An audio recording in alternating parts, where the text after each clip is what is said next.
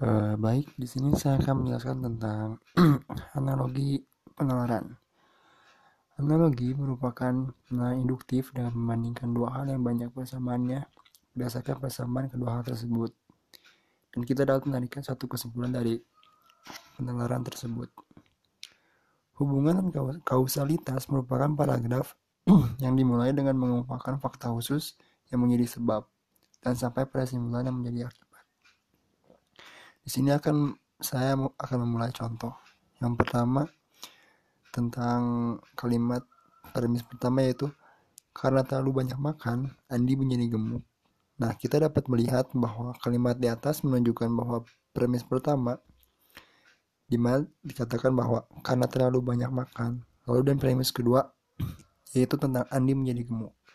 Di sini dapat dilihat bahwa kalimat analogi di atas menunjukkan sebab dan lalu menunjukkan akibat. Namun dapat dicermati, memang benar analogi di atas sahih, sebab seseorang gemuk diakibatkan oleh makanan yang berlebih. Jarang sekali atau hampir tidak mungkin orang gemuk bila tidak makan.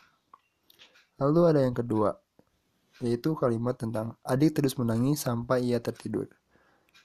Yang kedua ini adalah tentang kalimat berikut di mana Analogi di atas menunjukkan bahwa premis kedua menunjukkan akibat yang dihasilkan dari premis pertama. Namun, yang tersurat secara eksplisit di atas menunjukkan adik gara-gara menangis mengakibatkan dia tidur.